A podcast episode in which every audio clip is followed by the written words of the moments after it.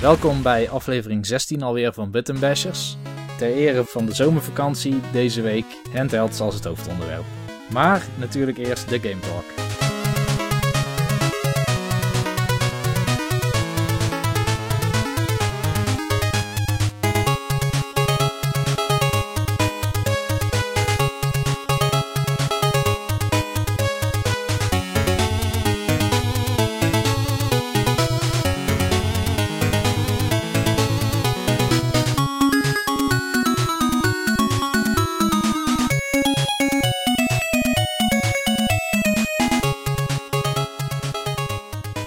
Goed, de Game Talk. Ik weet dat Michael iets heel bijzonders heeft gedaan afgelopen week. Of heel bijzonder.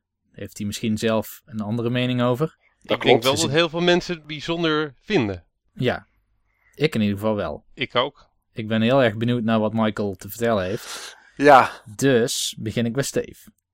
Ja, die voelde ik eigenlijk al een beetje aankomen. Want anders nou dan ben ik, een soort met van anticlimax. Dat moeten we natuurlijk nou goed, dan zorg ik wel dat ik dat word. Maar uh, Steve, ik ben ook benieuwd wat je hebt gespeeld. Want ik heb eigenlijk helemaal niets van je gehoord de afgelopen week, uh, waar dan ook. Dus... Nou, ik had het gewoon te druk deze keer. Ik kon het gewoon niet aan jullie uh, laten weten. Want ik, uh, ja, ik, ik, moest mijn hypotheek afbetalen. Ik moest schelpen rapen. En ik zat in een innige briefwisseling met een blauwe wig. Oh. Ik heb Animal Crossing New Leaf gespeeld, voornamelijk. Oké. En eh ja, de, de, ik ben benieuwd hoe jij er tegenaan kijkt. Wat van nieuws hebben we het gehoord. Dus, jij bent ja, nieuw ja. in de serie. Ja, dat klopt. En jij dacht, Niels, dat het in mijn geval een hit or miss zou zijn. Ja. En het was een absolute hit. Maar ik vind het helemaal geweldig. In de eerste instantie, toen ik echt zeg maar net dat spel een half uur aan het spelen was, had ik echt zoiets van, wat is dit? Ja, wat is het doel en waarom is dit leuk? En op een gegeven moment ja, had ik er zeg maar iets van een uurtje, anderhalf uur op zitten. En toen kon ik eigenlijk niks meer doen uh, ja, die avond. Ja, en de volgende ochtend werd ik eigenlijk iets te vroeg wakker ten opzichte van dat ik eigenlijk uit bed moest. En ik had zoiets van, joh, ik ga gewoon alvast eventjes weer beginnen. Ik ga gewoon kijken of ik wat spulletjes kan verkopen in de winkel. Ja, dat kon nog niet om, uh, om acht uur nog wat, want de winkel was nog dicht. En dat vind ik wel een van de leukste dingen in, uh, in dat spel. Dat alles gewoon real-time uh, is. Dat je ja. echt aan moet passen aan een dagritme, wat ook een beetje lijkt op je normale dagritme. Ik ben nog niet op het punt in het spel van dat ik zeg maar zelf de openingstijden kan bepalen voor, uh, voor winkels.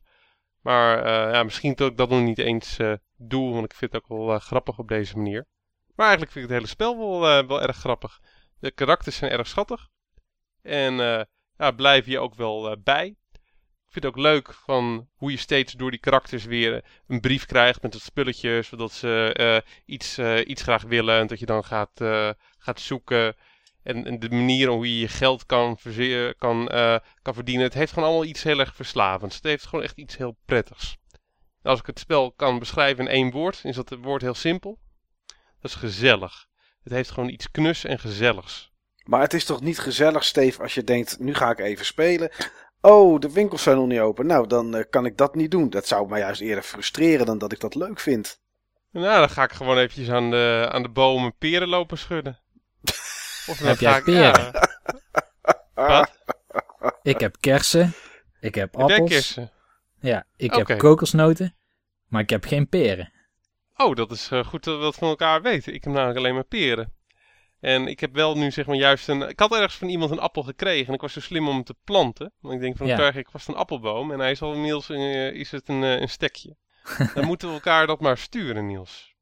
Ja. Want ik ben er inmiddels achter dat het online gedeelte een stuk groter is dan, um, dan jij dacht.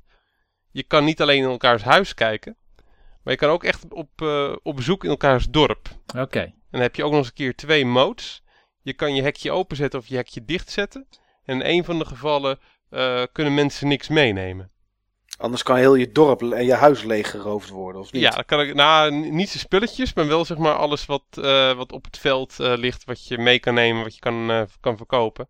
Dus ja, ik moet zeggen, ik vind het gewoon heel erg leuk. Het spel heeft gewoon voor mij gewoon iets ongrijpbaars, wat, ehm, ja, wat me gewoon echt heel erg trekt. Ik, ik vind het iets ontspannends hebben. Ja, ik snap ook en dat niet. kan ik van, uh, dat kan ik van veel spellen niet zeggen. Ik snap ook niet dat ik hier net een serieuze vraag over stelde. Als jullie dit terug horen, jongens, en de een zegt ik heb, ik heb kokosnoten en de ander zegt ik heb appels. Nou, dat is toch wel heel apart hoor. Ja, vergeet ook die briefwisseling niet met die blauwe big, hè. Dat is voor mij nog steeds het toppunt. Ja, om even heel snel, uh, wat, wat houdt het precies in? Die briefwisseling? Ja, waar gaat hij over? Ja, ik heb.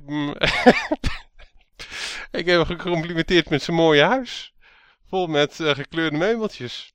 En er wat, eh, wat goudstukken bij gestopt. Of bels, zoals het in het spel heet. En, en, en Ja, dan? maar het gaat over helemaal, helemaal niks. En, en, En vervolgens krijg je weer een brief terug met een bedankje. En dan krijg je nou weer een of ander meubelstuk bij. En ja, dat geeft je dan weer een plekje in je huis. Het hele speel gaat gewoon eigenlijk helemaal nergens over.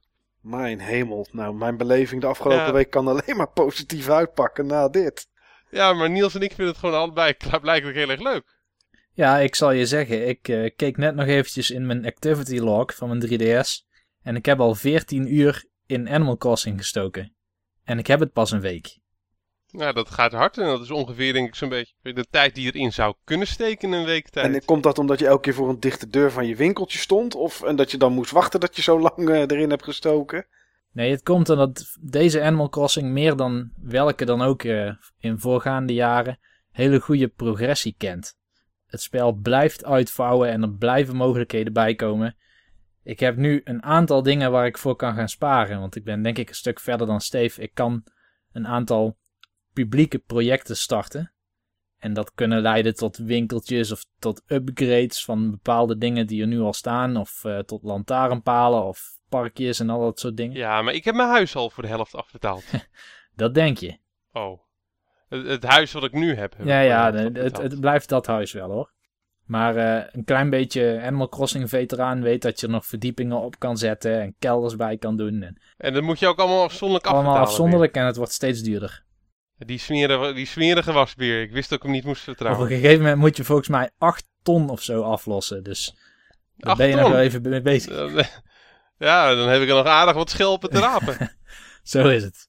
Ik blijf echt buiten deze discussie, jongens. We hebben het met z'n ja, tweeën. ik, ik merk het. Misschien moeten we verder Ja, dat- gaan. Dit is echt, dit is echt gewoon jouw ding, hè? Zo'n zo'n heerlijke, typische Nintendo-game. Ja, ik geniet daarvan. eh. Daar, daar eh, hou jij van, toch? Als, eh als eh rechtgeaard Nintendo-fan. nou, dat, dat denken mensen heel vaak, hè. Dat ik, dat ik Nintendo, dat ik dat helemaal niet tof vind. Maar dat is het rare. Ik vind het wel. Ik vind Nintendo nog steeds een tof bedrijf. Ik vind Mario nog steeds een tof karakter. Om maar, eh, maar even als boegbeeld eh, van het bedrijf te nemen. Ik vind de NES, de SNES en de Gamecube vind ik drie, drie hele goede consoles. Nintendo 64 had ik wat minder mee vanwege de controller. Maar eh, ja, de dingen die ze doen, ja, die bevallen me gewoon steeds minder. En dat, nou ja, is afgelopen week om dan maar gelijk het eh, bruggetje en het verhaaltje rond te maken, wel weer gebleken toen ik bij eh, Nintendo zelf op bezoek was. Ik word door jullie een beetje gedwongen om hierover te vertellen. Ik had liever over mijn avonturen in Infamous gepraat, maar dat doe ik dan een andere keer wel. Maar goed, ik was dus bij Nintendo, omdat we na de E3 natuurlijk de Nintendo Direct hebben gezien. En bijna elke Nintendo game die ze daar hebben laten zien, was speelbaar op, eh, op het hoofdkantoor van Nintendo in Nieuwegein. Nou ja, daar was ik een, een hele middag. En ja, ik heb er eigenlijk alles wel gespeeld wat daar stond. Behalve Animal Crossing, want die stond er ook. Ehm, maar ik heb in ieder geval Mario Kart 8 gespeeld. En dat is denk ik een titel die wij allemaal, eh, allemaal leuk vinden. Ja, daar ben ik ook heel benieuwd naar. En Niels ook, Ja. denk ik. Ja, nou goed, dat is een titel die kan je wel, eh, die kan je wel gewoon op je lijstje laten staan. Het, is, het, het, is, het voelt vertrouwd aan, het speelt vertrouwd. Je kan kiezen of je op de, met de Wii U Gamepad, of je met de stickstercard bestuurt, of dat je het met de motion, eh, motion wil doen. Dat je lekker met je controller van links naar rechts wil gaan zitten schudden. Nou, ik heb uiteraard gewoon voor de sticks gekozen, want dan heb je gewoon wat meer controle. En eh, ja, dat ging, dat ging soepel. Eh, het, de nieuwe toevoeging is natuurlijk het zwaartekrachtgedeelte. En wat ze, wat ze gedaan hebben is ergens in de baan zit een soort van blauwe balk. Op het moment dat je daar overheen rijdt met je kart, dan, eh, dan klappen de wielen naar binnen en dan zweef je. En vanaf dat moment kan je allerlei shortcuts nemen over het plafond of over de muren. Eh, gaat de baan soms draaien, wordt het een soort looping. Eh, dat soort dingen zitten er allemaal in. Als je een andere tegenstander die, eh, die naast je zit ramt met je zwevende kar, dan krijg je een soort boost. Dus dat is ook een, eh, dat is ook een leuke toevoeging. Het enige wat, eh, wat ik iets minder aan vond, is dat je alleen over muren, plafonds en dat soort dingen kan gaan racen. Als de baan het zeg maar toelaat. Als er een shortcut zit. Voorheen had je ook vaak shortcuts. Had je een baan, dan kon je recht rijden. En als er dan een bocht, kon je een stukje afsnijden. Nou ja, dat is er nu ook. Alleen dat is dan vaak op een muur of, eh, of, of, of wat dan ook. En het, is, het had leuk geweest als ze de banen. Misschien zitten die er nog in hoor. Dat, dat ik nog niet alles. eh, ik heb natuurlijk niet alles gezien. Maar dat je wat meer vrijheid zou hebben om de muren op te gaan. En, eh, en het plafond of, of wat dan ook. Dat zou, dat zou leuk zijn. Maar voor de rest, ja, het ziet er, eh, het ziet er aardig uit. Ik weet dat jullie nog wat de, de trailer die je tijdens de E3 zag, echt zaten van, nou, ik wist niet dat dit uit de Wii U te halen was. Toen ik eh, het zelf aan het spelen was, had ik niet het gevoel dat ik iets extreem moois aan het zien was. Het zag er wel heel verzorgd uit, heel kleurrijk, heel vrolijk, liep allemaal vloeiend. Dus ja, wat dat betreft eh, denk ik dat het een leuke titel is. Alleen duurt nog zo lang, hè? Ergens in 2014. Ja, ja. Nou ja, wat ik, eh, de leukste titel, laat ik dat even noemen. En dan zal ik door de rest een beetje, beetje heen gaan. De leukste titel die ik gespeeld heb was uiteraard The Legend of Zelda The Link Between Worlds.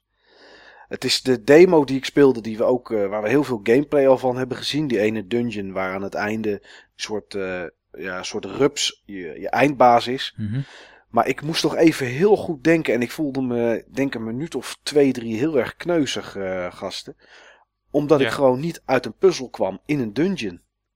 Ik was aan het spelen en ik denk, nou, ik denk, ik kan nergens heen. Maar het- ja, er zijn drie verdiepingen op dit moment waarvan ik het weet.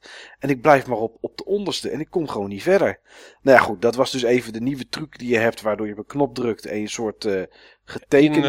eh, in de muur gaat. Ja, ja, dat je een soort getekende Zelda wordt. Hè? Een soort hieroglyfachtige uitziende Zelda. Zoals vroeger de Egyptenaren dat, dat zouden Link. getekend hebben. Link. Ja, niet Zelda. Hè? Stom. Ehm, en dan kan je inderdaad over muren lopen. Je kan hoekjes om. Nou ja, die had ik dus even nodig eh, om er goed doorheen te komen. En toen dat eenmaal, eh, eenmaal onder, de knie, eh, onder de knie zat, ja, was het eigenlijk een dungeon die ik vrij makkelijk doorheen liep. Het zal waarschijnlijk een van de eerste dungeons zijn geweest de, de, de, jonge man van Nintendo zei tegen mij: Nou, je hebt ongeveer eh 10 minuten om, de, om hem uit te spelen. Dat redt niet iedereen. Nou goed, ik haalde het gelukkig wel, dus dat was even. voelde wel even goed.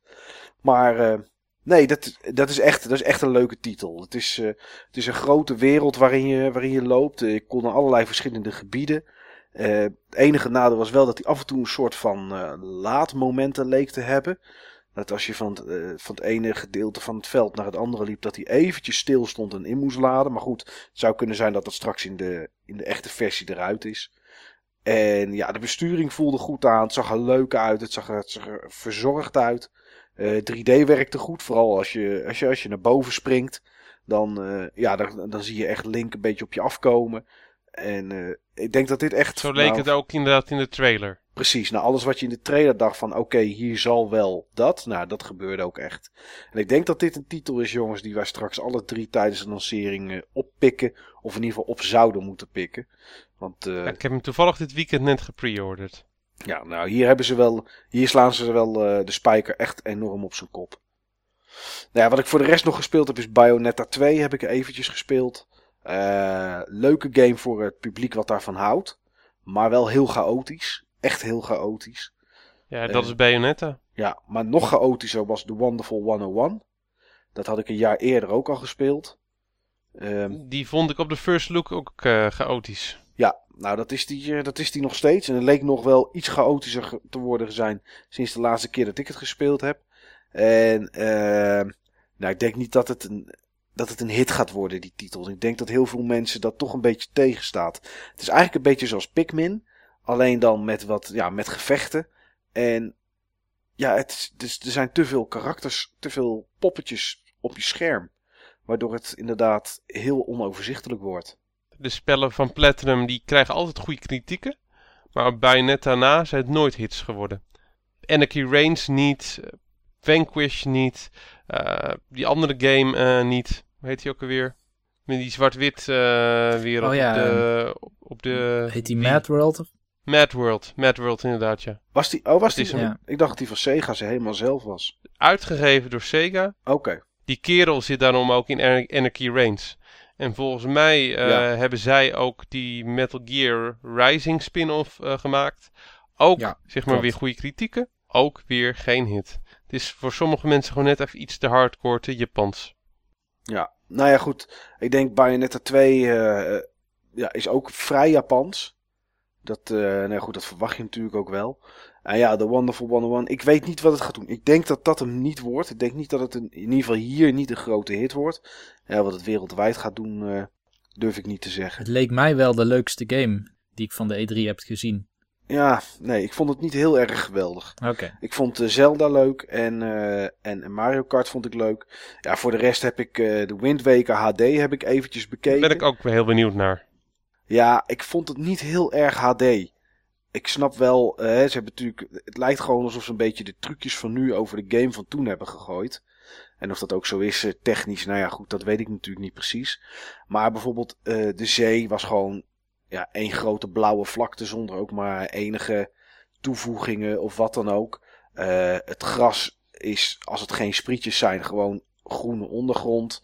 En je ziet dat dat soort dingen, dat die niet in HD zijn. Het is ook een beetje de wel- artstyle natuurlijk van die game, hè? Ja, klopt. Maar je verwacht als het HD wordt, dan verwacht je dat er, dat er iets meer aan zit. Althans, ja, goed, ik weet niet. Het, het, het leek, weet je wat het ook heel erg, heel erg was? Het was ook heel erg kaal. De, de vlaktes zijn kaal. Het, is een, het, is, ja, het voelt net aan alsof er nog allerlei dingen ontbreken. En ten tijde van de Gamecube, ja, toen, toen was dat zo. En dat accepteerde hij ook. En dat was bij heel veel meer games, denk ik. Want het staat me niet bij dat ik de Wind Waker in die tijd dat ik dacht van, jeetje, het is een beetje leeg allemaal. Maar dat had ik hier, eh, ja, hier wel. Ja, ook een andere tijd, hè? Nou, is ook zo. Ja, dat klopt. Het enige wat er wel een bijvoorbeeld toevoeging was, is dat je een briefje kan schrijven. Die kan je in een fles doen. En die kan je dan in de zee gooien. En die kunnen dan bij andere mensen aanspoelen. En die liggen dan op het strand of wat dan ook. Dus daar lagen ook wat flessen met, eh, ja, met berichtjes van andere, van andere Wii U gebruikers. En eh, nou ja, goed, ik ben even in de boot gestapt. En je kan inderdaad, kan je, als je vaart, kan je kiezen of je dat snel of langzaam wil doen. Dus dat is inderdaad een, eh, een verandering. Maar, nou ja, goed, ik heb, ben heel snel ben ik gestopt. Ik heb het even drie, vier minuten bekeken om even te zien hoe het eruit zag en speelde. Maar Dit lijkt me dan ook echt zo'n titel. Dit is iets, daar gaat Steve wel eh, vroeg of laat take one voor het team meedoen. Hoop ik. Oh ja, zeker. Zelda, daar kan ik eh, nooit nee tegen zeggen. Al moet ik wel zeggen dat van de laatste paar Zelda's ik er eigenlijk weinig echt uit heb eh, gespeeld. Twilight Princess niet, Skyward Sword niet. nou, Skyward Sword heb ik dan helemaal voor de rest verder niet gespeeld. Twilight Princess heb ik wel uitgespeeld. Ik heb ze allebei uitgespeeld. Nou, voor de rest ben ik nog heel even langs Sonic en Mario op de Olympische Spelen 2014 in een of andere plaats die ik niet uit kan spreken langsgelopen. Eh die heb ik gespeeld, maar daar voor de rest niet zo heel veel over te vertellen. Eh Wii Party U heb ik gespeeld. Ja, ik moest natuurlijk wel lachen, want dat is de derde minigame eh, collectie die men uit gaat brengen voor de Wii U uit eigen, uit eigen naam. Ja. En eh, ja, ik vond die gamepjes nog korter dan kort. Ik heb er twee of drie gespeeld. Er was er bijvoorbeeld één bij, eh, dat was tafeltennis. Eh, dat speel je, eh, nee sorry. Ik heb er één gespeeld, dat was tafelvoetbal. Daar speel je gewoon met eh, twee personen. Je neemt de Wii U Gamepad, die draai je verticaal is dat, hè, in de lengte. En eh, dan neem je alle twee, heb je een stick. En dan hoef je eigenlijk alleen maar te bewegen. Net zoals dat je dat met een tafeltennis zou doen eh, met de stokken. En dan, ja, dan lopen al je poppetjes tegelijkertijd heen en weer. Nou ja, en dan moet je de bal schoppen en dan heb je gewonnen. Er was één spelletje bij, daar was, zat je in een tank. En eh, de linker rupsband van de tank is dan de linkerstick. En de rechter is uiteraard de rechter. Druk je ze alle twee tegelijkertijd naar voren, dan rij je naar voren. En druk je de één, nou ja, dan gaat hij een beetje draaien. En zo moet je dan rondrijden en eh, drie tegenstanders kapot schieten. Nou, dat had ik op een gegeven moment binnen een seconde of 30, 35 had ik dat gedaan. En toen dacht ik, nou, dan krijg ik nu vast het volgende level of parcours of iets. Maar dat was het. Oh. En meer zat er dan voor dat spelletje ook niet in. Dus ja, dat, ik vrees dat het niet meer wordt dan dat. Eigenlijk is het dus een beetje zoals je ook al zei bij Game Wario. Gewoon een half afgemaakte verzameling minigames. Waarbij ze misschien beter die hadden samen kunnen voegen met een andere verzameling minigames. Nou, zeker weten. Er zal vast zullen er wel een aantal leuke games tussen zitten. Ik heb er twee gespeeld volgens mij. Nee, drie heb ik er gespeeld. Eh, er zat er bijvoorbeeld ook één bij. En dat, nou ja, goed, dat is voor een partygame is dat dan leuk. Ehm, speel je met vier mensen, speel je dat. In ieder geval minimaal drie. En je krijgt om de beurt krijg je de gamepad en dan krijg je een opdracht bij. En die opdracht is bijvoorbeeld, eh, Eh, kijk alsof je net een uh, citroen hebt gegeten. Nou, dan moet je een zuur gezicht trekken of iets. Er wordt een foto gemaakt of zo. Precies. Ja, wordt er een foto gemaakt en dan moeten de andere uh, drie of vier mensen krijgen dan de foto te zien op het scherm. En die hebben dan de mogelijkheid om tussen vier antwoorden te kiezen wat het is dat jij uit wilt. Oh, dat is wel heel grappig. Dat is dan wel grappig, inderdaad. Ehm nou ja, voor de rest heb, wat heb ik voor de rest nog meer gezien? Uh, Donkey Kong Tropical Freeze heb ik gespeeld. Dat was heel vreemd dat ik die niet met de gamepad kon spelen.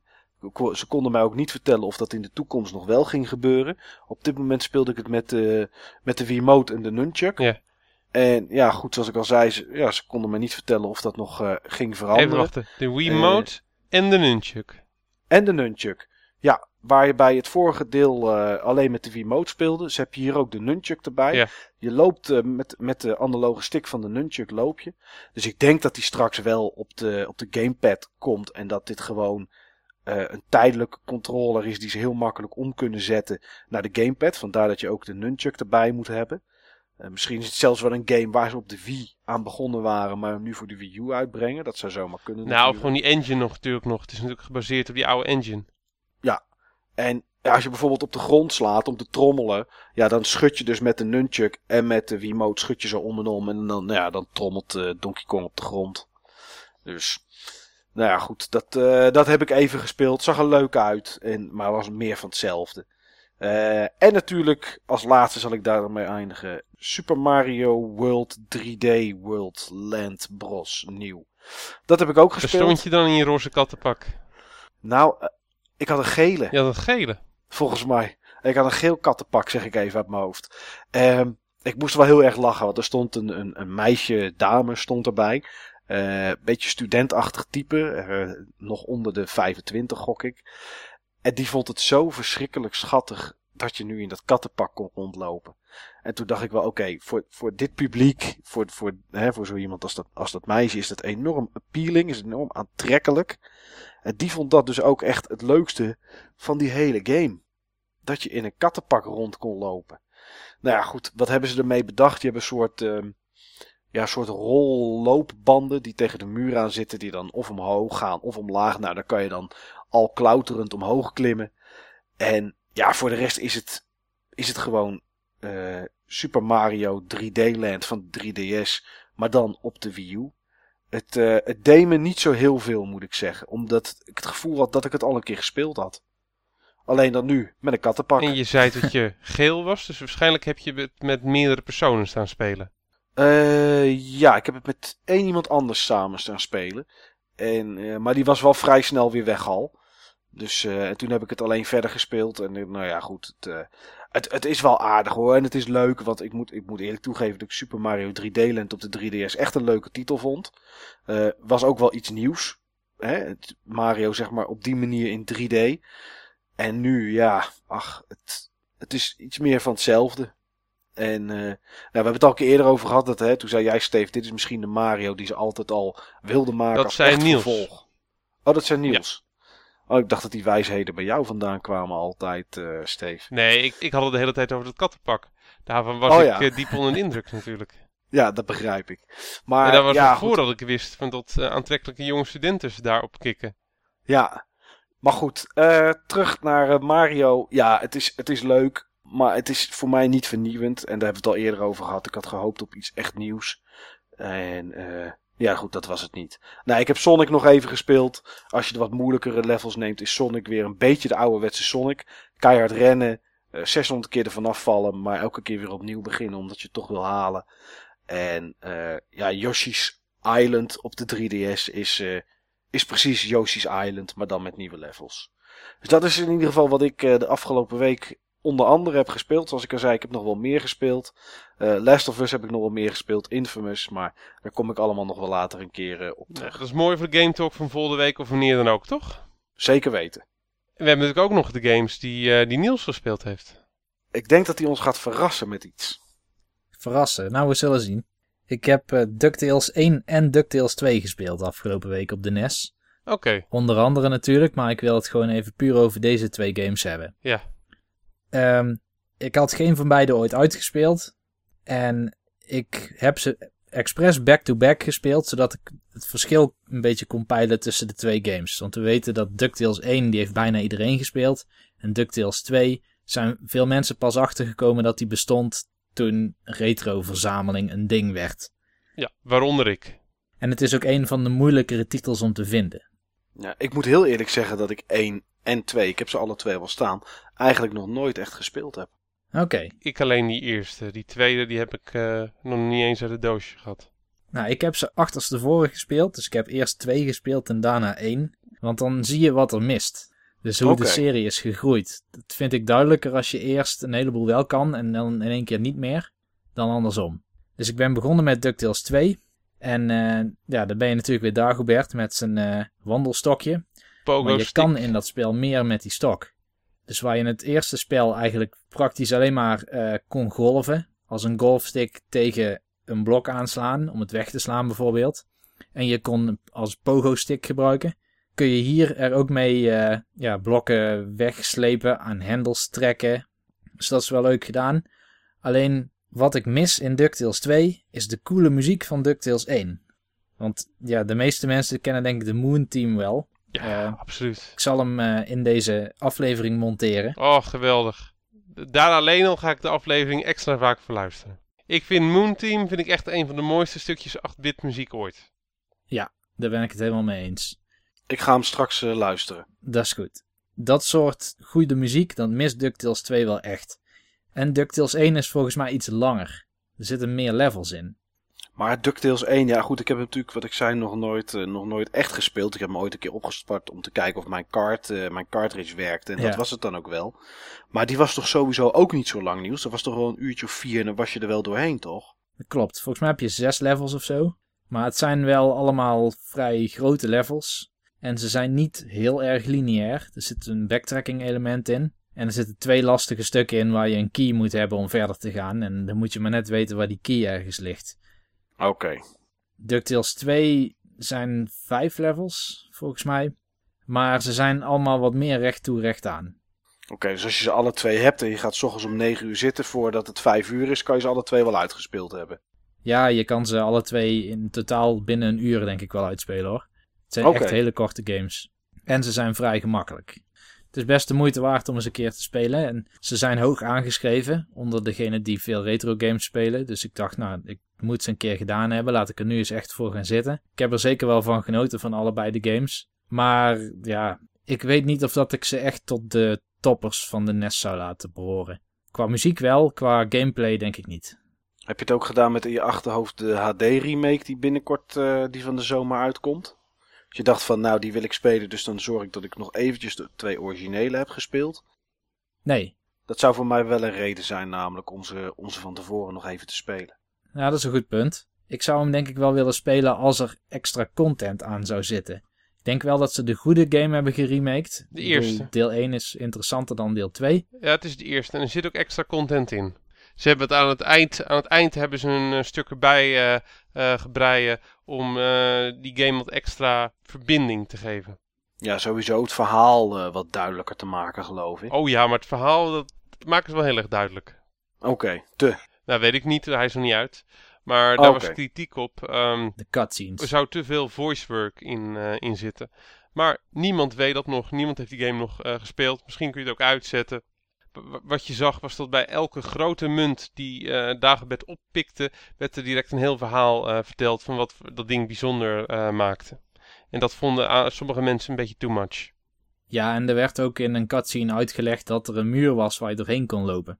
Maar goed, dat zit eigenlijk ook in het NES-deel. Daar zegt ook een van die eh kwik, kwek of kwak, ik weet niet welke, ik haal ze altijd door elkaar. Maar een ervan die zegt dat je door een muur heen kan lopen. Dus dat is niet zo heel nieuw. Maar je hebt wel meer muren waar je doorheen kan lopen. Maar ja, ik speelde het voor het eerst. Ik kan nou niet zeggen dat ik ergens vast heb gezeten of tegenaan liep. Het zijn toch echt wel hele gemakkelijke games en het is best wel obvious dat je ergens door een muur heen kan. Maar goed, dat wat betreft DuckTales 1 en 2. Laten we gewoon naar het hoofdonderwerp gaan.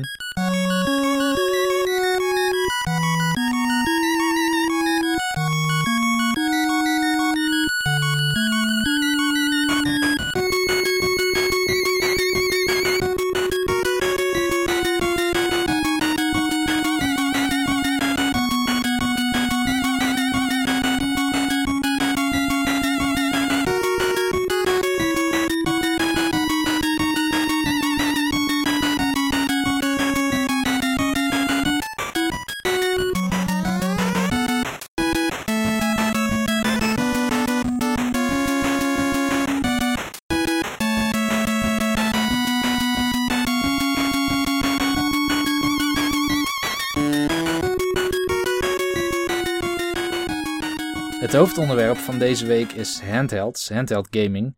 Het leek ons wel een gepast onderwerp zo tijdens de zomervakantie.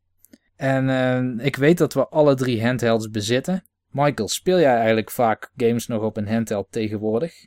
Ik speel eigenlijk alleen games op een handheld als ik op vakantie ben. Dat is uh, eigenlijk mijn hele leven al zo geweest. Ik weet ook niet waarom ik ze elke keer weer blijf kopen. Maar dat doe ik uh, ja, eigenlijk stelselmatig toch. Behalve de PS Vita, dat is de enige die ik niet heb. En uh, mijn 3DS, ja, die ligt op dit moment ligt die bij mijn bed. En daar speel ik dan uh, 999 speel ik daarop. Zoals mm -hmm. de mensen inmiddels wel weten. Ik heb hier voor de, uh, voor de zomervakantie heb ik uh, Golden Sun heb ik liggen. Nou ja, die past dan niet in mijn 3DS. Maar daar gaat gewoon mijn DS gaat daar dan uh, voor mee. Maar voor de rest speel ik eigenlijk nooit. Ga ik nooit op de bank zitten en denk ik ga eens lekker met zo'n heel klein kneuterig dingetje in mijn handen zitten. Met zo'n heel klein schermpje en geluid door twee, twee hele kleine speakertjes. Hè, dat ik denk van, nou daar geniet ik enorm van. Dus ik, ik speel vrij weinig mobiel. Uh, ja, behalve als ik op vakantie ben. Ja, en tegenwoordig, uh, we hebben de tuin laten verbouwen. Dus er wordt af en toe geacht dat ik daarin zit. En dan, dan pak ik nog wel mijn 3DS. Maar voor de rest speel ik eigenlijk nooit mobiel. Nee, het is een gelegenheidsapparaat voor jou. Ja, zeker weten. Ja, ik weet ook niet waarom ik de 3DS vorig jaar of twee jaar geleden, ik weet niet eens wanneer het meer was, op de launchdag gekocht. Want ja, ik doe er voor de rest eigenlijk niet zo heel veel mee. En is dat ooit anders geweest? Dat is eigenlijk nooit anders geweest. Dus eigenlijk zou ik ervan moeten leren dat ik wacht met dat soort apparaten te kopen. Het, uh, nee, ik, ik doe het gewoon eigenlijk niet. En dat komt ook, ik zit natuurlijk ook niet, bijvoorbeeld Steve weet ik wel dat hij veel speelt en jij ook wel. Mm -hmm. Maar jullie zijn natuurlijk alle twee mensen die wel eens in het openbaar vervoer zitten. Ja. Dat scheelt heel erg inderdaad, ja. Want jij doet het wel toch, uh, Steve? Jij bent wel een behoorlijk uh, mobiele speler. Ja, ik vind het hartstikke leuk. Vooral als een game zich er echt voor leent om mee te nemen. Uh, ik moet zeggen, de 3DS is op dit moment het platform waar ik misschien nog wel de meeste tijd in uh, gestoken heb de laatste paar maanden. Dat kwam door Fire Emblem, dat kwam door alle leuke games die met name van Nintendo zelf daarop uitgekomen uh, zijn. Luigi's Mansion, Donkey Kong uh, Country Returns en nu dan uh, ja, Animal Crossing. Ja, ik vind het gewoon echt een heel leuk apparaat. Ook een apparaat dat een wezenlijk andere ervaring brengt dan gamen op een console. Wat is voor jou dan die, die andere ervaring? Want misschien, ja, dat is denk ik toch wat ik, wat ik mis. Dat is voor mij een optelsom van twee dingen. Eigenlijk drie dingen in het geval van de 3DS.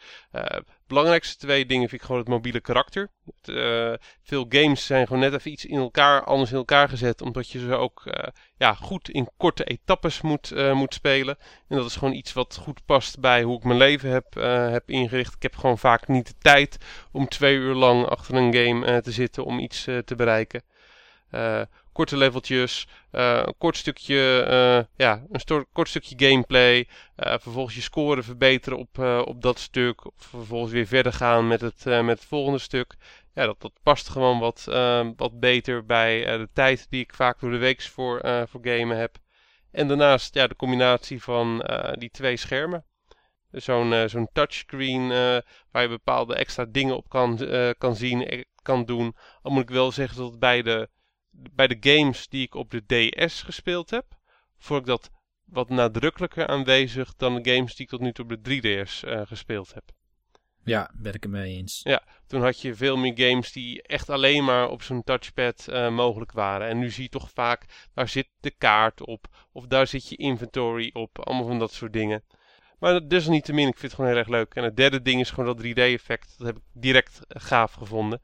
En dat was ook de reden waarom ik in een impuls aankoop op de dag van de lancering. Toen ik toch bij de Game Mania was. En ik, ik had eigenlijk al kunnen weten, als ik dat deed, dan ging het fout. Want het was dezelfde dag dat de iPad 2 uitkwam. Ik had toen al een iPad gekocht. En vervolgens, twee, drie uur later, stond ik ook nog eens een keertje met zo'n 3DS in een tas uh, in mijn handen om mee naar huis te gaan. En bij de lancering is hij dat absoluut niet waard uh, geweest. Heb ik eigenlijk heel weinig mee gedaan. Totdat ja, Zelda en de 3DS en de 3DS XL uitkwamen. Met name die combinatie die heeft voor mij gewoon echt heel goed uh, gewerkt. En uh, hoe zit het bij jou Niels? We weten dat jouw 3D-slider natuurlijk kapot gebeten is door de hond. Ja. maar heeft, heeft mobiel gamen voor jou dezelfde pluspunten als dat het voor Steve heeft? En doe je het daarom ook meer dan misschien niet mobiel gamen? Uh, ja, ik, wat Steve zegt, dat geldt voor mij ook. Maar ik heb nog wel een extra reden. En dat is dat vooral in de afgelopen generatie vond ik dat in het handheld domein meer nieuwe ervaringen werden gepresenteerd dan in het console domein.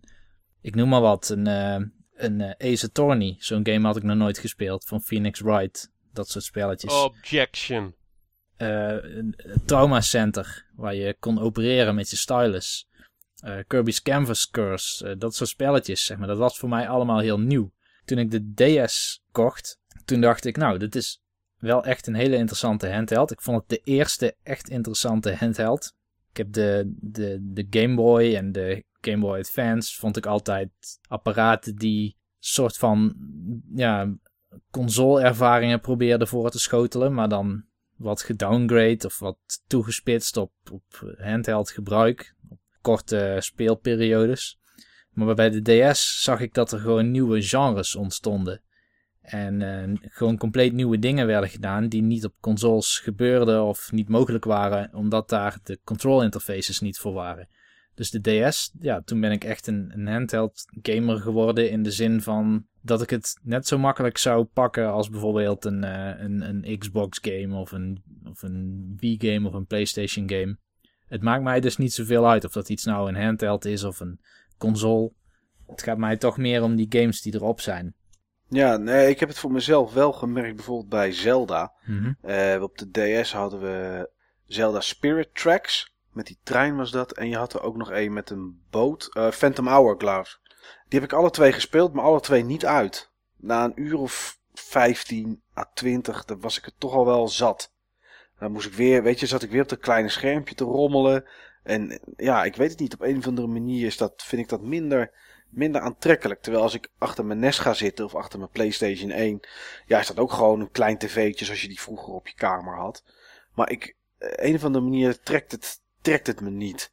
Ik moet wel zeggen, het nieuws wat jij, uh, wat jouw punt aangaf, dat ik dat ook wel gemerkt heb. Bijvoorbeeld Another Code was dat. Die was vrij in het begin van de DS was, die, uh, was het uit. Een soort puzzle adventure game. Ja, ja die maakte wel heel leuk gebruik van de twee schermen. Ik kan me nog goed een puzzel herinneren. Waarbij er iets op het onderste scherm stond en op het bovenste scherm. En dan moest je de, de DS moest je bijna dichtklappen. Zodat het spiegelde op elkaar. En dan zag je de oplossing staan. Ja goed, dat vond ik dan wel, dat vond ik wel heel grappig bedacht. Dat had je bij uh, die eerste Zelda ook. Dan moest je een soort van afdruk maken van een rotstekening op, uh, op papier. En ik wist bij god niet hoe, het moest, uh, hoe je dat moest doen, maar je moest gewoon eventjes die schermen tegen elkaar aandrukken. Oh ja, dat klopt inderdaad. Je even dicht doen inderdaad. Ja. En dan maakte hij een kopie ervan. Hè? Ja. Nou ja, dat soort, dat soort dingen vond ik dan wel leuk. En ik moet ook zeggen, uh, ondanks dat het natuurlijk wel een beetje suf is. Maar Brain Training, de eerste die uitkwam op de DS. En met die sommetjes maken en weet ik wat allemaal. Vond Rood, ik ook leuk. blauw, geel. Ja, maar goed, hè, dat, dat je hem zo in boekvorm moest houden. En er zijn natuurlijk nog wel meer games geweest die dat hebben gedaan. Maar dat was, dat was, dat was wel leuk en vernieuwend. Maar voor de rest, nee, ik merk dat ik games dan gewoon minder snel uitspeel. Ik heb Resident Evil Revelations gekocht vorig jaar. Omdat het uh, mij leek op een, een ouderwetse Resident Evil. Ik had ook de demo gespeeld, beviel me erg goed. Ja, ik heb het een uurtje of 4, 5 gespeeld en dan toch het ligt niet in het oogveld of het trekt niet aan. Ik weet niet wat het is met mobiel gamen. Zullen we trouwens nog een stukje teruggaan in de tijd? Want ik hoorde jou het woord vernieuwend uh, gebruiken. Zullen we teruggaan in de tijd toen het echt vernieuwend was? Want ik denk dat veel van onze luisteraars dat toch, uh, ja, dat dat waarschijnlijk het eerste is waar ze aan zullen denken bij het mobiel gamen. Dat zijn de Game Watches en ja. de originele Game Boy. Ik moet toch wel zeggen dat de Game Watch was wel de eerste echte, om het maar even console te noemen, die ik zelf in mijn bezit had. Die echt van mij was. Voor mij ook. Voor mij ook. En dat was dan geen Game Watch, dat was een clone van een game die ik inmiddels al een paar keer heb, uh, heb besproken. Dat is Lifeboat. Uh, ook een game met een mannetje wat lijkt op uh, Mr. Game Watch van Nintendo. En qua gameplay, het had ook zo echt Nintendo kunnen zijn.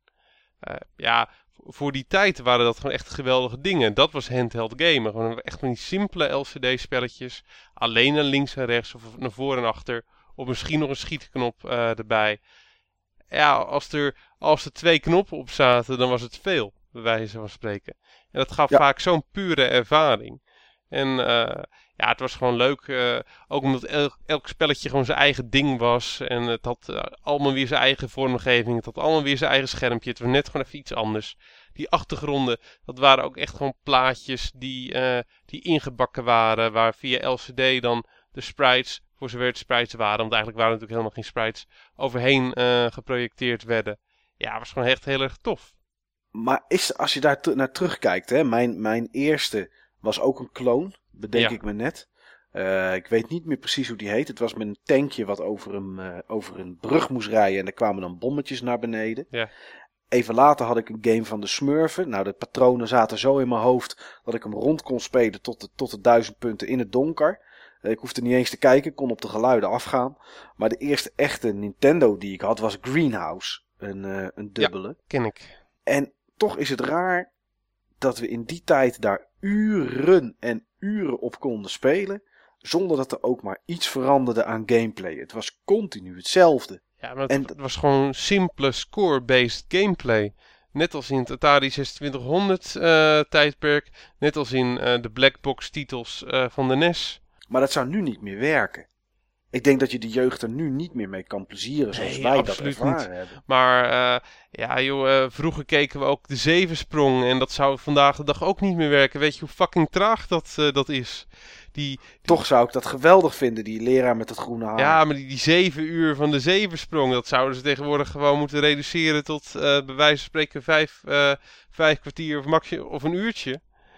Ja, daar heeft de jeugd van vandaag de dag gewoon eh, ja, de, de aandachtspannen ook niet meer voor. En die, die kids van nu die zijn ook gewend dat het allemaal zoveel sneller gaat. Maar de wereld gaat ook gewoon sneller. Ja. Speelde jij Game Watches vroeger, eh, Niels? Nee, en ik heb er ook nog nooit een gespeeld. Ah, dat vind ik wel echt een eh, gemis in jouw eh, ja, opleiding, in jouw game volwassenheid hoor. Dat hoort er wel een beetje bij op je leeftijd. Nou, ik heb het idee dat die Game Watch dat het ook van voor mijn tijd is. Is het zo? Ik kom uit 83. Ja, eh, je had het nog wel mee. Eh, je hebt het in principe nog net meegemaakt, maar niet actief, denk ik. Nee, ik denk dat het op zijn retour was. Ze lagen echt wel in hun eh, in grote getalen nog in de vitrine hoor, bij de Bart Smit. Toen ik mijn, mijn eh, NES-cards eh, afstond te rekenen. En daarvoor... Nou, ik ben pas vrij ook. laat aan de console begonnen ook, hè. Dus Ah, ik dat- was echt een eh, PC-gamertje. Dan heb je niet meegemaakt. Want ja, we weten wat de Game Watch heeft gekild. Game Boy? Ja, de Game Boy. De Game Boy. Is ook wel logisch dat dat toen gebeurde natuurlijk. Want je kon, ja, op de Game Boy kon je zelf een spelletje veranderen. Ja, dat, dat was het gewoon. Ja. Ik denk ook dat er in die periode, dat er meer mensen op een gegeven moment Game Boy zaten te spelen dan iets anders. Ook thuis op de bank. Ja, Althans, dat is wat was gewoon echt mijn- een heel succesvol apparaat. Al weet ik niet of die succesvoller was dan de NES. Ik heb de aantallen eventjes niet in mijn uit mijn hoofd. Nee, nee die heb ik ook. Hij komt eh, niet nog overal tegen, die, eh, ja, die, die dikke originele Game Boys. Er zijn er zoveel Ja. van verkocht. En als je zeg maar alle types op zou tellen, oh, dan weet ik zeker van dat, eh, dat die wel beter is verkocht eh, dan, eh, dan de NES. Met de Game Boy Pocket en de Game Boy Color. Dus dan, eh, ja, dan is het opeens een heel stuk meer natuurlijk. Speelde de Game Boy een grote rol in jullie eh, gamecarrière? Ja, voor mij zeker. Voor mij zeker. Nee, bij mij niet zo. Game Boy zijn er trouwens 118 miljoen van verkocht. Van de allereerste Game Boy. Van het oude eerste model. Ja, 118 miljoen zie, Oh, ik dat is hier, heel veel. eh, zie ik hier staan. Maar ik vermoed dat ze de Game Boy Color erbij opgeteld hebben. Want die zie ik namelijk niet los. Game Boy Advance zie ik wel los. Dan hebben ze het opgeteld. Game Boy- Dan hebben ze het opgeteld. Ja, en vergeet ook niet, het ding heeft lang in de schappen gelegen hoor. Als je zeg maar al die modellen bij elkaar optelt. Het was een flinke periode. Want de, de Color, die, die kreeg je ook nog in verschillende uitvoeringen. Verschillende edities. En dat, dat heeft enorm lang in de winkels gelegen inderdaad. Volgens mij langer dan 10 jaar. Ja, het heeft ook nog een tweede leven gekregen nadat Pokémon uitkwam, hè. Ja, dat was denk ik wel de titel. Die op een gegeven moment waar mensen misschien nog wel zo'n ding voor gingen kopen. Ik heb er toen eentje gekocht in ieder geval. Toen die game uitkwam. Toen ben ik pas ingestapt in, eh, in handheld gaming. Oké, en hoe komt het dat je dat eerder niet had, Niels? We hebben wel eens eerder gehoord dat je ouders het een beetje op gokken vonden lijken. En dat je daarom dat niet had. Of was het gewoon iets wat je gewoon totaal niet aantrok? Trok mij niet zo aan. Ik heb wel eens ooit een Game Boy geleend voor op vakantie. En eh, er zat zo'n cassette in met ik weet niet hoeveel pirated games. Dus ik had best wel veel keus om, eh, om te spelen. Maar ik vond bijvoorbeeld Super Mario Land niet lijken op de Mario die ik wel leuk vond.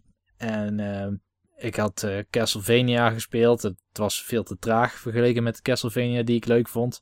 Ik geloof dat ik alleen Kirby's Adventure leuk vond om te spelen op de Game Boy. Ik had niet het gevoel dat ik iets miste als ik het systeem niet had. Oké. Grappig dat je op die manier al met games bezig was op die leeftijd. Dat je er op die manier tegenaan keek. In welke zin bedoel je? Ja, gewoon zo analytisch bijna. Ja, ik, ik denk niet dat ik toen heel analytisch was. Het was misschien meer een gevoelskwestie. Ja, een gevoelskwestie was het. Oké. Maar heb je, heb je dat later wel ingehaald? Ben je wel meer games toen je op een gegeven moment... Want nu vind je het wel geweldig om uh, handheld te spelen. Mhm. Ben je dan dat soort titels gaan inhalen? Dat je dan nu Game Boy Advanced of Game Boy Color games bent gaan spelen? Uh, ja, ik heb wel Game Boy Advanced gekocht. Want uh, waar ik destijds werkte, daar gingen ze Game Boy Advance games maken. Dus uh, toen heb ik heel vroeg al een Game Boy Advance in, uh, kunnen kopen. Met een paar spelletjes. Maar ja, dat, dat was het toch ook niet voor mij. Ook Game Boy Advanced, ik, ik heb er toch wel een aantal spellen van. Maar ik vond het toch te veel op SNES lijken. En ik had al een SNES. Dus het was, ja... een Game Boy Advance is gewoon een SNES. De hardware is iets anders, maar... Uh, ja, het zijn in principe gewoon die 16-bit klassiekers die je op die 32-bit handheld uh, naar binnen gekruid uh, kreeg. Kijk maar naar alle ports die ze opeens toegemaakt hebben van SNES games. Ja, er zijn er genoeg geweest. Maar bij mij begon handheld pas echt bij de DS. Dat was het moment dat het voor mij klikte. Dat het iets nieuws bracht. Ja. In plaats van games op een klein schermpje. Inderdaad, het voegde gewoon iets nieuws toe. Een nieuw palet aan uh, gameervaringen die ik gewoon nergens anders had gezien of kon krijgen. Ja, dat was voor mij toch wel iets anders hoor, uh, Niels. Ik kan me echt nog de advertenties herinneren uit Club Nintendo. Van tot, uh, ja, tot die eraan kwam. En ik had er toen echt nog nooit van gehoord. En opeens stond hij zeg maar achter op Club Nintendo. Stonden dan plaatjes van het apparaat en van, uh, ja, en van wat games. En ik had zoiets van, wow, wat, wat is dit? En dan uh, ging je bladeren in de Club Nintendo zelf en stond een artikel uh, in. Dat hij dan over een maand of drie kwam. Want hij was een maand of drie voor de zomervakantie dan gereleased in... nee, een maand of drie voor de zomervakantie was hij aangekondigd. Hij kwam in de zomervakantie uit. Heel slim gedaan natuurlijk. In, in Nederland. En ja, ik heb hem direct toen ook bij de lancering gekregen. Want ik ja, we gingen nooit echt heel erg ver weg, mijn, uh, mijn ouders en ik. Eigenlijk gingen we amper uh, weg. Ik heb hem toen gekregen, zodat ik ook gewoon iets leuks te doen had in, uh, in de vakantie. En ja, ik vond het ook echt geweldig. Kon ik het ding meenemen naar oma, kon ik het ding meenemen naar ja, vrienden van school. ja, ik heb er gewoon echt heel veel plezier mee gehad met die eerste set games al die ik had. Tetris natuurlijk, Gargoyles Quest, Super Mario Land. Allemaal gewoon hele leuke games. Maar met name Gargoyles Quest, die kan ik me echt nog wel van de launchtitels herinneren. Dat was gewoon echt een topper. Maar Steve, werd het toen, want ik had, een, ik had de Game Boy niet gelijk bij de lancering. Ja. Dan ben ik wel benieuwd. Hè? Tegenwoordig, als je kinderen ziet, zie je ze allemaal met een mobieltje en vinden mensen het maar hinderlijk dat ze dat zitten te doen. Was dat ook het gevoel wat jij had in die tijd dat mensen bij, uh, erbij hadden als je dan bij oma kwam en je ging op de bank met dat ding zitten spelen? Want voor mij, en dat is ook hoe het bij mij in mijn geheugen staat, vond ik het eigenlijk, en de mensen om mij heen ook wel, een heel magisch apparaat omdat het iets was wat normaal bij je tv stond. En nu had je iets met een schermpje erin. En daar kon je spelletjes op spelen. Ja, volgens mij was het ook wel zo. En ik, wou dan altijd, ik was altijd heel sociaal als kind. Wou ik het altijd zeg maar, laten zien aan, uh, aan mensen. Wou ik het altijd delen. En uh, ja, het was toch altijd maar voor korte duur tot je aan het spelen was. Dan was je zeg maar al anderhalf uur aan het spelen. Dat je ergens zeg maar een paar uur was. En dan waren die batterijen weer, uh, weer leeg. Dus hield het weer op. Dus uh, ja, ik heb volgens mij niet ervaren dat mensen het uh, hinderlijk vonden. En het was ook een beetje in de tijd dat, dat je ouders zoiets hadden van... joh, dan is hij tenminste lekker bezig, dan vermaakt hij zich. Ja, is hij lekker stil. Ja. Ja, nee, ja, dat is wel zo.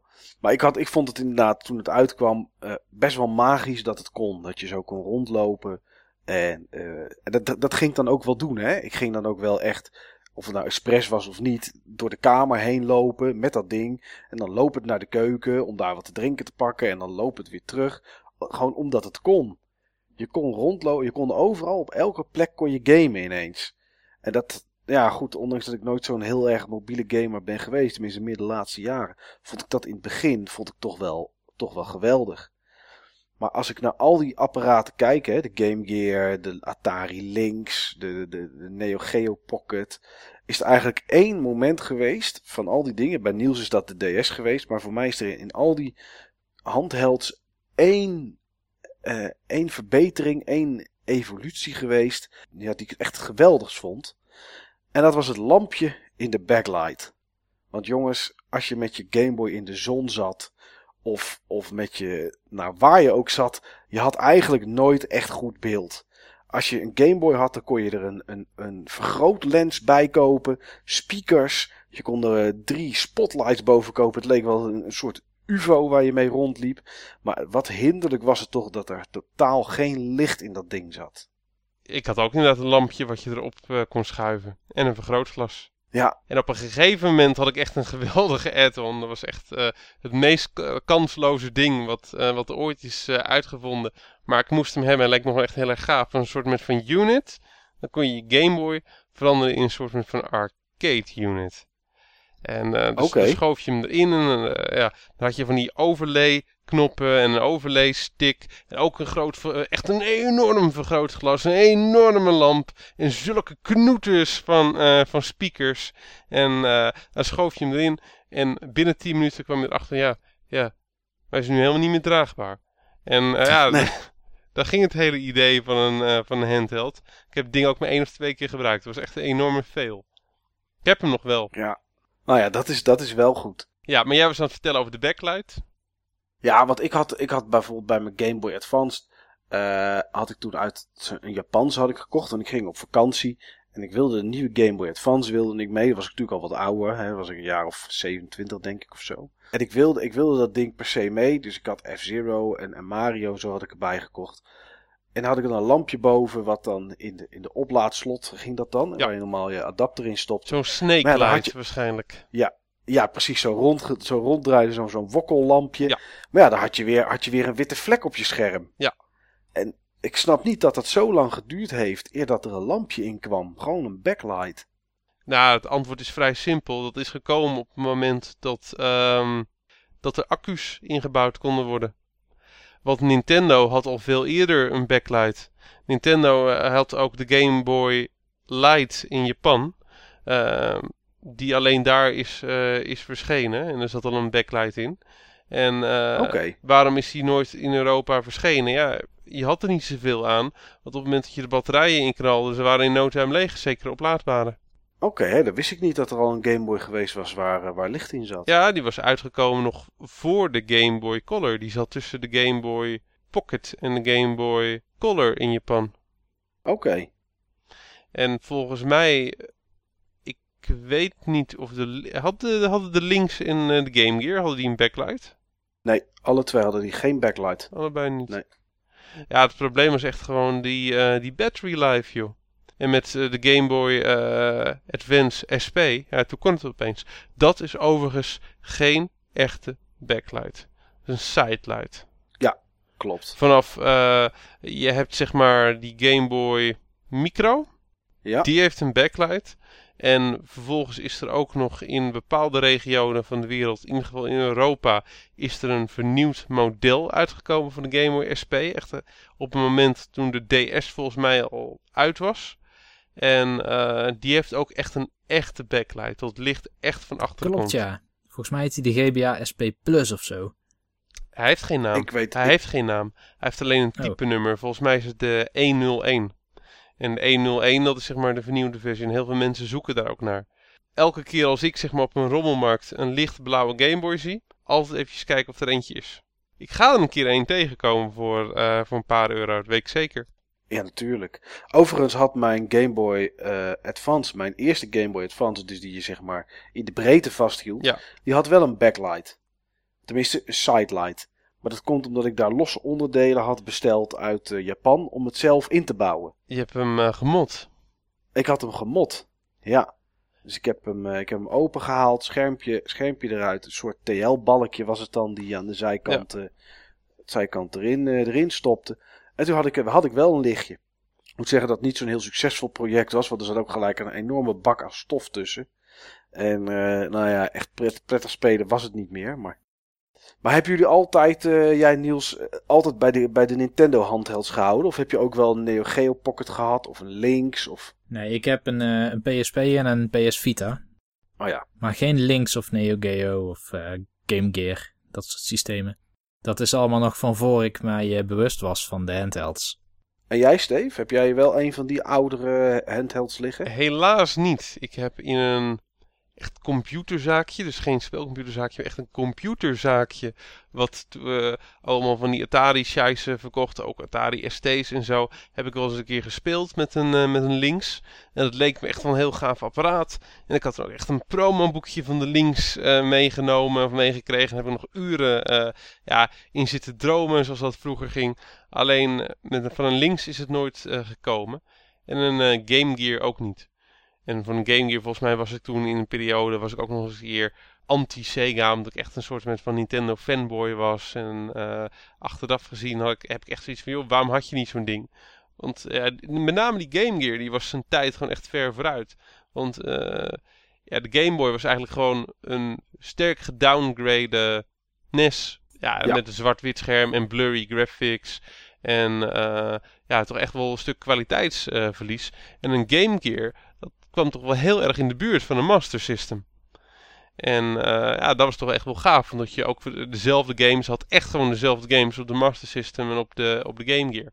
Vaak net eventjes iets aangepast. Uh, omdat het schermpje net iets kleiner was qua resolutie. Maar ja, uh, achteraf gezien vind ik dat wel gaaf. En ik wilde nog eens een keer eentje hebben, een Game Gear. Ik heb al wat games. Die ik eens een keer heel goedkoop op kon, ja, kon, kon pikken op mijn beurs. Maar ik moet nog steeds, uh, steeds een keer zo'n apparaat uh, kopen. Ja, ja, Game Gear wil ik ook nog steeds wel een keer hebben. Alleen daar kennen we natuurlijk de bekende problemen mee met het geluid. Ja, maar voor een modmaster zoals jij, die echt zonder problemen eventjes een backlight inbouwt voor een uh, Game Boy Advance, mag dat geen probleem zijn. Dat denk ik ook niet. Ik denk dat er wel, dat er wel hier en daar wat soldeerwerk mogelijk is. Voor de mensen die dit horen en die graag ook zo'n apparaat willen hebben, maar dan gewoon goed werkend. Of die er eentje hebben liggen en hij is kapot. Wij kennen iemand op het Palrox forum, Klonoa. En hij repareert die dingen. Hij reviseert die dingen en vervolgens zijn, doen ze het perfect. Ja, inderdaad. Nee, een Lynx heb ik wel liggen, een Atari Lynx. Wel met adapter, want op batterij is het niet te doen. Maar weet je wat ik wel vind, en ik weet niet hoe dat bij, hoe dat bij jullie is. Ik kan NES kan ik nog prima spelen. Dat, uh, dat doe ik met veel plezier. Ik kan uh, Sega Master System kan ik nog met heel veel plezier spelen. Maar ik kan games op de Game Boy en Game Boy Color kan ik geen plezier meer aan beleven. En het is bij mij voornamelijk de beperking van het grootte van het schermpje. Ik weet niet of, of jullie dat ook hebben, maar ik ben een tijd geleden ben ik, ben ik aan Mystic Quest ben ik begonnen op de Game Boy. En het is, het is allemaal zo klein. Het is zo beperkt. Ja, als je Batman gaat spelen of Super Mario Land, echt uh, van die games van die mini-sprites, dan is het ook wel echt heel erg, uh, heel erg klein hoor. Maar een game zoals uh, Shadow Warriors of Double Dragon, Gargoyle's Quest, waar ik het net over had, nou, die kan ik nog met veel plezier spelen. Oké, okay. heb, heb jij dat niet nieuws als je dan zo'n oude Game Boy game erin stopt, dat het, het, het, is, ja, het is allemaal zo beperkt. Ja, ik weet wel wat je bedoelt. Ik ik heb zo alleen uh, Zelda DX gespeeld. Dat is die, uh, die add-on voor, wat is het, uh, Link's Awakening geloof ik. Ja, voor de Game Boy Color met een extra, met een extra dungeon.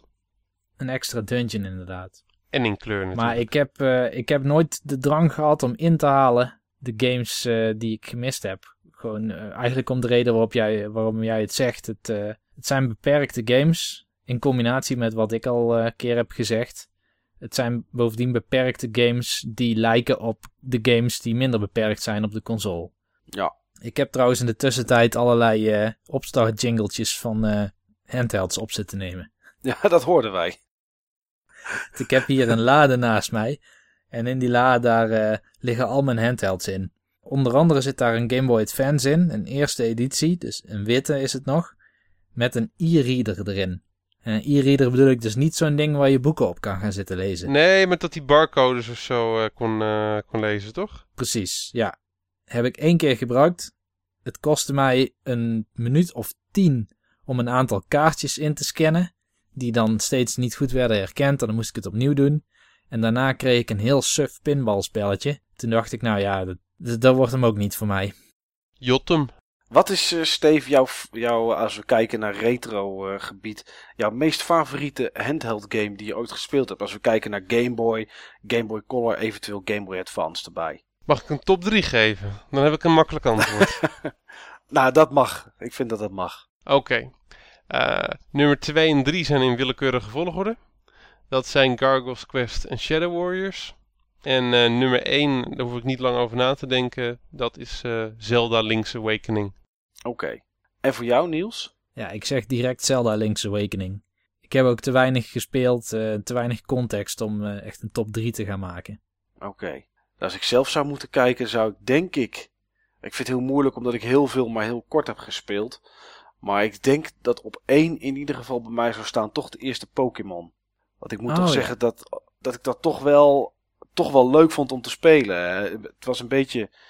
Ja, het was natuurlijk gewoon een RPG, nog steeds is het dat. Maar het had wel iets speciaals. Het was wel heel, iets heel nieuws met het verzamelen van al die Pokémon en het trainen en het laten vechten. Dus ik denk toch dat dat wel uit het ja, retro ge gebeuren mijn favoriete handheld game moet zijn.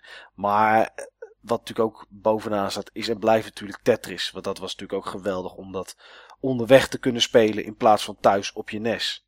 Ik heb trouwens een bekentenis voor jullie mannen. Oh, nou ik ben benieuwd. Ik heb nog nooit Pokémon gespeeld. Geen okay. seconde. Geen enkel deel ook? Geen enkel deel. Is dat bewust? Het trok me toen niet. En toen had je die hele uh, heid met die tekenfilm en die poppetjes en die kaartjes. En ik vond het gewoon allemaal maar kinderachtig en het heeft me nooit getrokken daarna. Oké. Okay. Ja, ik moet zeggen dat ik onlangs een keertje aan Pokémon Blue ben begonnen volgens mij op de Game Boy Color. Toen was ik, vond ik het ook niet zo leuk meer als dat ik het toen vond. Waarschijnlijk omdat die games nog steeds een beetje te veel op hetzelfde lijken. Het nieuwe is er wel vanaf. Maar de allereerste Pokémon, ja, dat vond ik toch wel, vond ik toch wel leuk om te spelen hoor. Maar tegenwoordig heb ik uh, innige briefwisselingen met een blauwe dicht. Dus tegenwoordig is alles mogelijk. Dus misschien dat ik wel opeens naar de nieuwe delen ga. Dat is waar, ja. Nee, een vriend van mij die, uh, die speelt al die Pokémon games. En die speelt ze ook allemaal een keer of zes. Want die moet dan de legendaries hebben. En alle starters moet hij hebben. In het klein en in het groot doorgeleveld. Ja, ik wilde catch them all, hè? Ja. Ja. Maar daarom is het nog wel zo dat ik bijvoorbeeld... Uh, dan, uh, dan, dan kocht hij black en dan kocht ik white. En dan kocht hij uh, white 2 en dan kocht ik black 2. Dat we allebei een versie hebben en ik speel hem dan misschien uit. Een beetje tot het einde. En hij speelt hem ondertussen acht keer uit of zo. Omdat hij inderdaad al die, die, die Pokémon nog steeds wil hebben. Dus ik okay. speel ze wel. Ik speel nog steeds ook de nieuwere delen kan niet zeggen dat er heel erg veel verandert of zo. Het is wel een game die duidelijk steeds iets verfijnder en beter wordt. Maar ik zie er nog steeds wel de lol van in. Ik heb nog één laatste vraag wat de handhelds betreft. Dat komt eigenlijk uh, tijdens de beurs in, uh, in uh, Eindhoven. De Bonami Retro Beurs, waar we het de vorige paar afleveringen al een paar keer over hebben gehad. Daar liep ik iemand tegen het lijf, uh, van het Palrox Forum. En die liet mij een doos zien van dingen die hij had gekocht. En die zat ja helemaal vol met mint condition, complete inbox Game Boy spellen. Ja. En ik moet zeggen, dat was wel het moment dat het bij mij ook wel een beetje begon te jeuken. Dat zag er zo mooi en zo goed uit. Dat ik dacht van ja, ik zou me misschien toch eens moeten verdiepen in het verzamelen van Game Boy spellen. En ik vroeg me dan bij jullie af, als er een handheld was waarvoor je zou willen collecten, welke zou dat dan zijn? Laat ik bij jou beginnen, Michael. Dan ga ik voor de Atari Lynx. Want dat, daar zijn heel weinig spellen voor. Ja, er zijn er niet zo heel veel voor. Maar er zijn wel een aantal spellen op geweest die je niet op andere platformen vond. Uh, ik vond bijvoorbeeld Slime World. Mm -hmm. was een, uh, een game die, uh, die daarop uitgekomen was. Leek een beetje op Hero, die je vroeger had op de Commodore 64. Van Activision was dat volgens mij. Um, en Slime World was zo'n game waar ik, als ik bij. Ik had toen zelf geen links. Een kameraad van mij uh, van school had hem wel. En als ik daar dan kwam en we gingen Amiga spelen, zei ik nou speel jij maar even. En dan pakte ik de links en dan ging ik die game spelen. En zo zijn er wel meer, uh, wel meer games die echt alleen op de Atari links waren uitgekomen.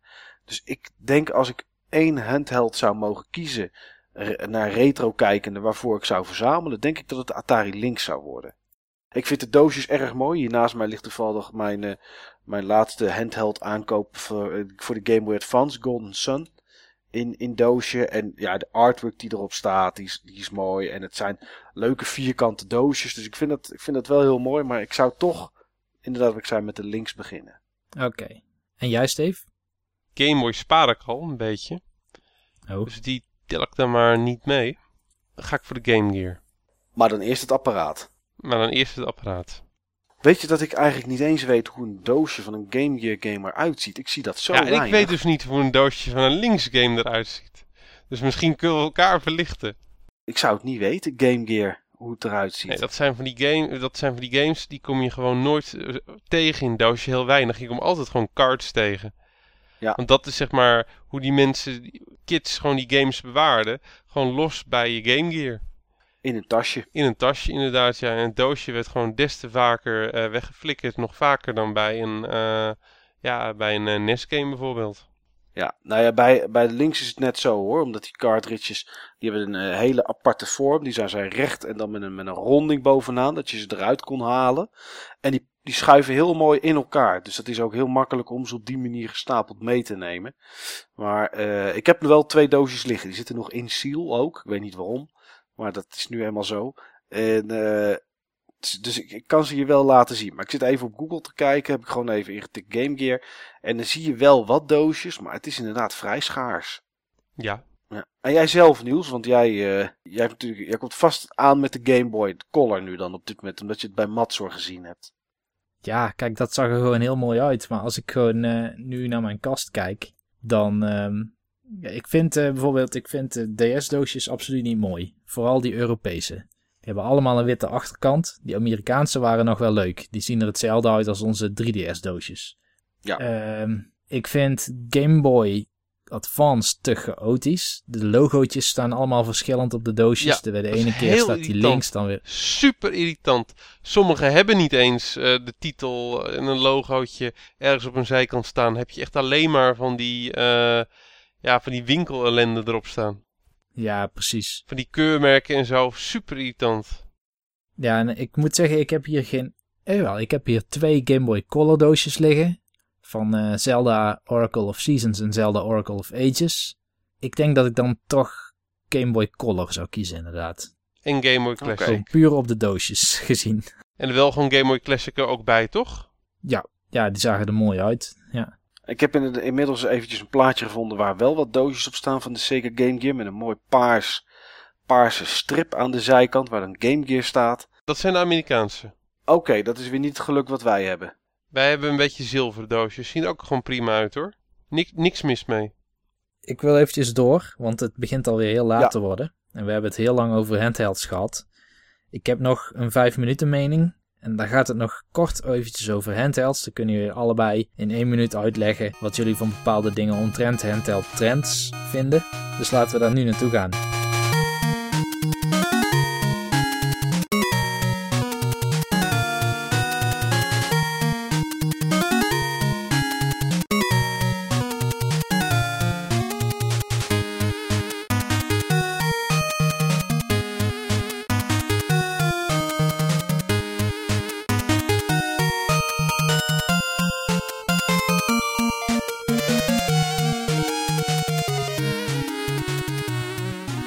De 5 minuten mening.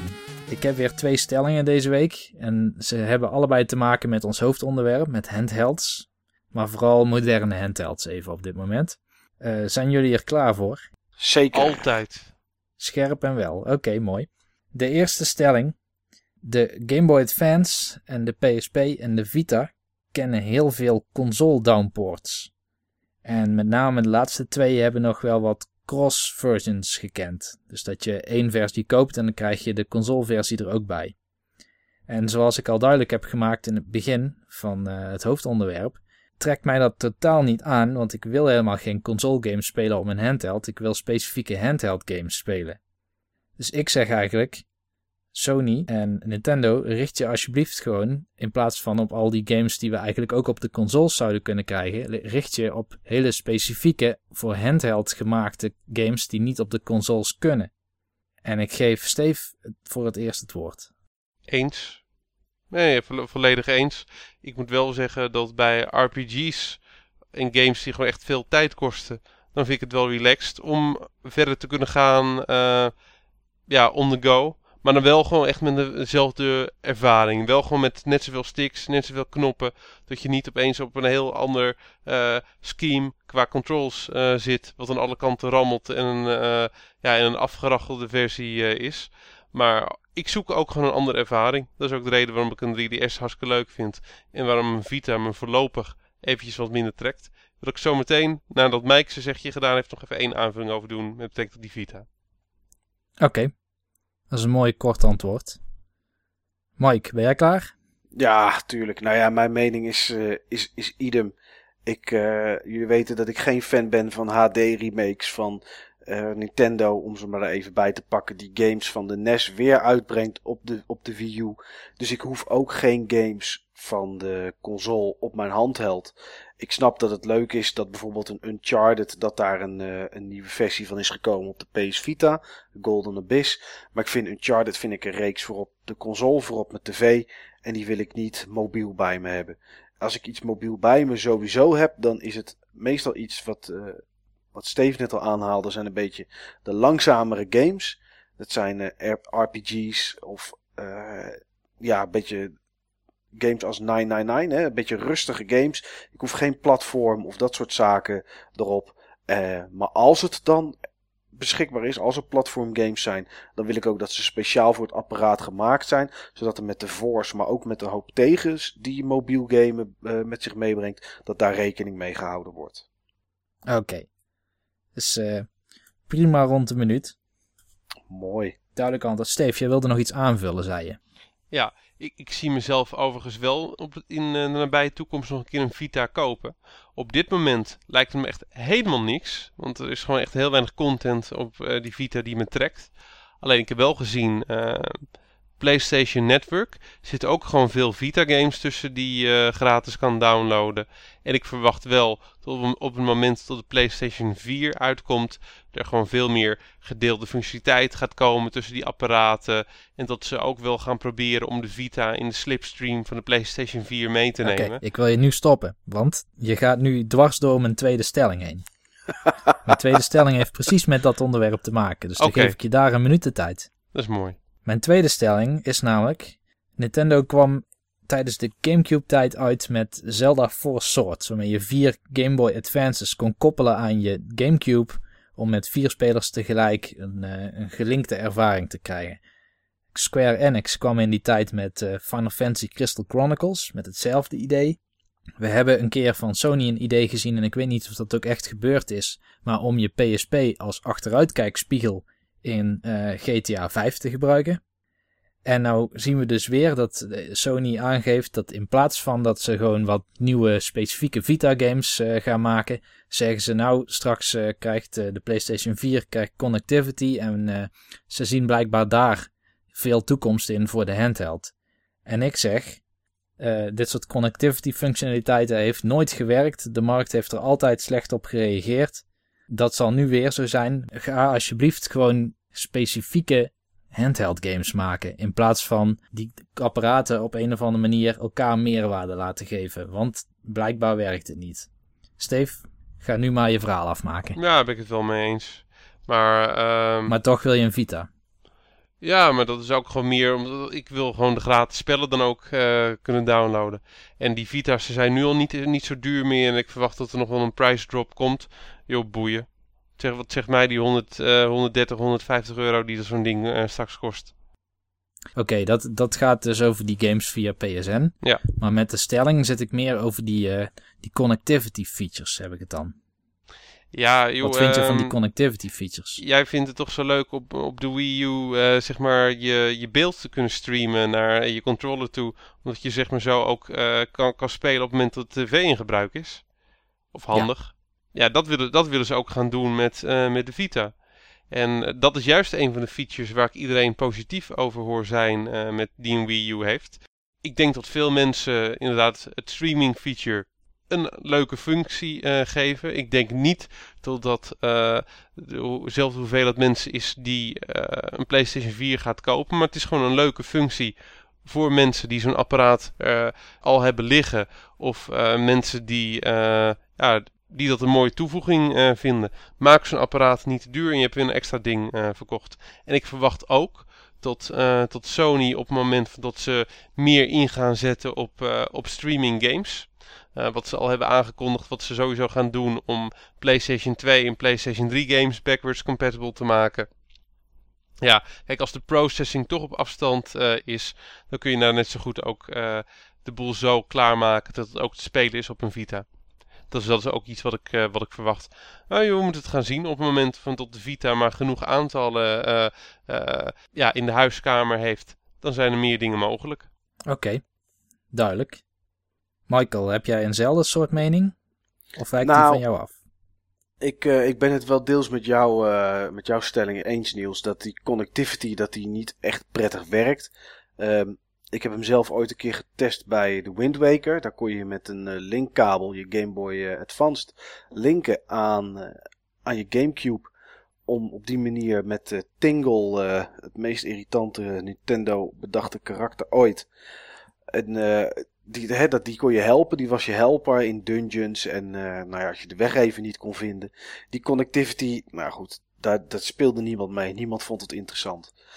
Als we nu gaan kijken naar de toekomst, wat ze met de PS Vita gaan doen, ben ik een beetje bang dat er straks alleen nog maar mensen een Vita gaan kopen om remote hun PlayStation 4 game te gaan spelen. En ik ben ook bang dat Sony daar een beetje te veel op gaat inzetten.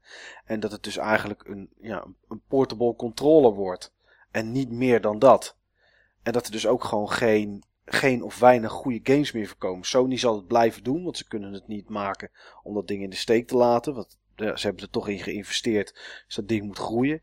Ik zie ze er ook straks nog wel uh, een bundel maken met de PlayStation 4, waar ze hem voor 100 euro meer bij doen. Oh, die gaat er komen. Waarschijnlijk niet bij de lancering, maar die gaat er komen. Durf ik mijn hand voor in het vuur te steken. Ja, en dan krijg je dus helemaal dat het ding dus getypeerd wordt als een console waar je, eh, ja, waar je, waar, die voor remote play gemaakt is. En dat zou ik zonde vinden. Ik weet dat het technisch een enorm goed apparaat is. Uh, het zit erg goed in elkaar. Scherm is mooi. Grafisch heeft hij behoorlijke kracht. Maar er is bijna inderdaad voor mij persoonlijk ook geen content die interessant is. Dus daarom zou ik hem, heb ik hem ook nog niet liggen. En ja, wat betreft die connectivity. Ik denk dat ze erop in proberen te zetten. Omdat het nu met mobiel uh, eh, telefoons en met tablets werkt. Maar ik denk niet dat het ooit het zo gaat zijn dat het helemaal zo ingebakken zit in ons gamers.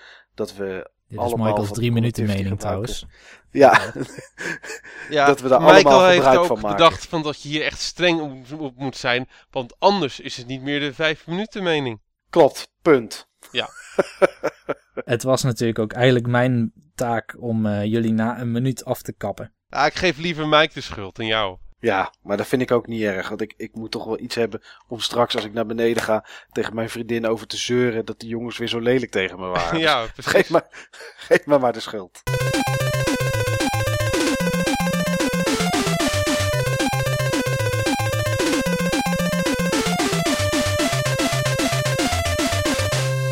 Dit was aflevering 16 van Button Bashers. De aflevering aan het begin van de zomervakantie. We hebben weer een lange discussie gehad over handhelds deze keer. Zijn jullie nog een beetje wakker? Nou, zeker wel. En Enorm. Ik, uh, echt de adrenaline die stroomt gewoon echt door mijn aderen van deze verhitte discussie. en ik moet ook zeggen dat op dit moment mijn, uh, al mijn handhelds liggen op te laden, zodat ik ze allemaal fijn mee kan nemen op vakantie. Ja, ik zit ook gewoon met in elke hand gewoon met een handheld te spelen hoor. In mijn linkerhand met mijn Game Boy uh, Classic en in mijn andere hand met mijn GBA SP. Ja, ik wou dat ook met mijn links doen, maar daar heb je echt twee handen voor nodig. Want dat ding dat is, dat is bijna een, slag, een stuk slaghout. Ik ben met mijn neus ben ik uh, al mijn Game Watches tegelijk aan het spelen. Dat zijn er gelukkig niet zoveel. En uh, ja, over de andere lichaamsdelen hou ik maar gewoon op. Ik was natuurlijk bezig met geluidjes opnemen tijdens deze podcast. Tijdens dat jullie Oh ja. aan het praten waren. Waar waren die voor, uh, Niels? Nou, die kan ik mooi ergens tussen mixen. Toch? Kan je mooi elf wel tussen mixen. Maar eh, het viel me tegen dat alleen mijn eh, Game Boy Classic en mijn Game Boy Advance SP nog geluid wilden maken. De rest van mijn handhelds die starten niet eens meer op. Omdat de batterijen leeg zijn of gewoon omdat ze stuk zijn? Omdat de batterijen leeg zijn, ja. Maar goed, ehm, het is denk ik weer een lange aflevering geworden. En eh, het wordt hoog tijd om er een eind aan te breien. En weer uit te kijken naar de volgende aflevering. Lijkt mij prima. Ik ben heel benieuwd of daar het topic in gaat worden. En of het ook net zo zomers uh, zal worden als dit topic. Weet je wat, Steve? Verzin jij het volgende topic? Nou, dat gaan we zien. Ik ga heel erg mijn best doen. Komt vast goed. Dan uh, zeg ik bij deze bedankt voor het luisteren en bedankt voor de fijne gesprekken weer deze avond, Steve en Michael. Graag gedaan. En ik hoop uh, dat er een aantal mensen zijn die deze podcast meenemen op vakantie. Dat ze op een zonovergrote strand heerlijk naar onze zomerse stemgeluiden kunnen luisteren. Vast en zeker. Oké, dan rest mij alleen nog maar te zeggen: tot ziens.